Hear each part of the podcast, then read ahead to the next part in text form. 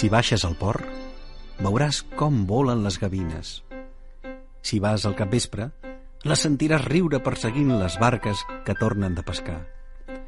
Obren les ales blanques tant com poden i planen sobre el mar, com si pengessin del cel amb un fil invisible, i es diverteixen força deixant-se gronxar pel vent. No sé si us heu fixat, però quan volen sobre el mar sempre tenen els ulls clavats a l'aigua, com si busquessin alguna cosa. Pugen i baixen, baixen i pugen, fan voltes i més voltes, però no deixen mai de mirar el mar. Cada dia igual. Només pleguen quan es fa fosc i han d'anar a dormir als nius que han construït els penya-segats. I no es cansen de mirar i mirar. Però vosaltres sabeu què busquen les gavines?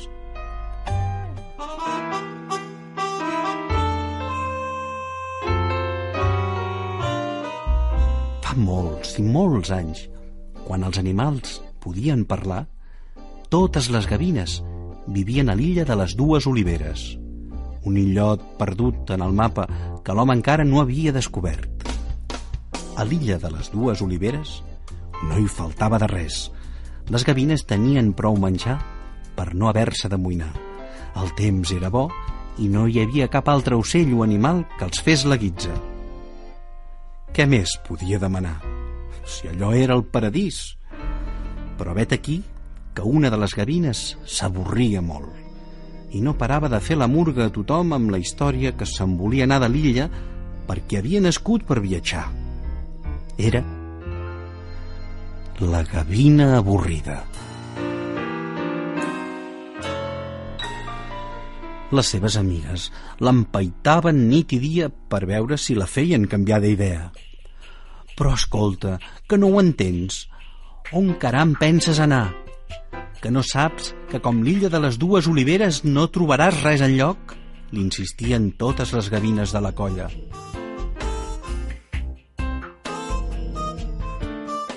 Però ella, que era més tossuda que una mula, sempre els contestava el mateix.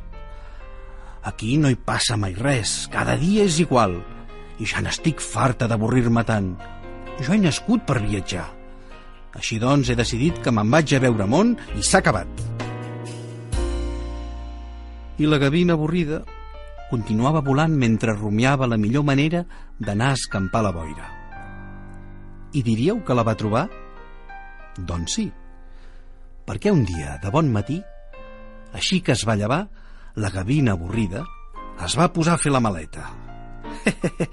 Me'n vaig, deia tota contenta. Però què m'emporto per fer un viatge tan llarg? Com que no sabia quant temps trigaria a travessar l'oceà, va pensar que el millor que podia fer era omplir la maleta de menjar. Dit i fet, i van tatxonar tantes sardines que li va costar Déu i ajut tancar-la.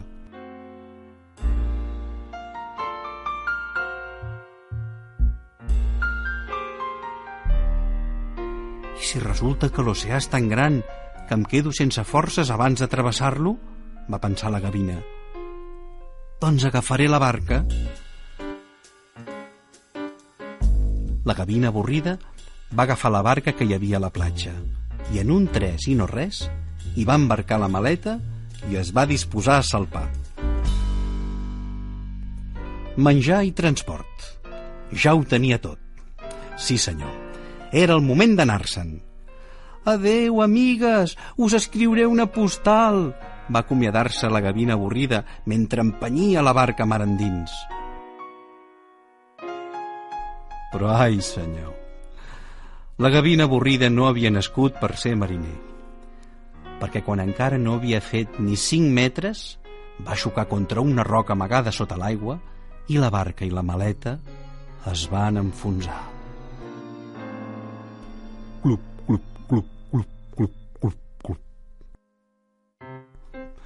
I ara què? Oh! Van exclamar les amigues en veure com anaven desapareixent a poc a poc la barca i la maleta cap al fons del mar. I per acabar-ho d'adobar, la maleta es va obrir i totes les sardines es van escapar. Les sardines! Que se m'escapen les sardines! cridava desesperada la gavina avorrida. La mar salada es va omplir de sardines que nadaven per tot arreu.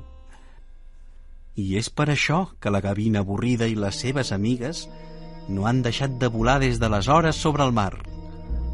Proven d'agafar amb el bec les sardines que aquell matí se'ls van escapar. I ja ho saps, si baixes al port, veuràs com continuen buscant sardines sense parar.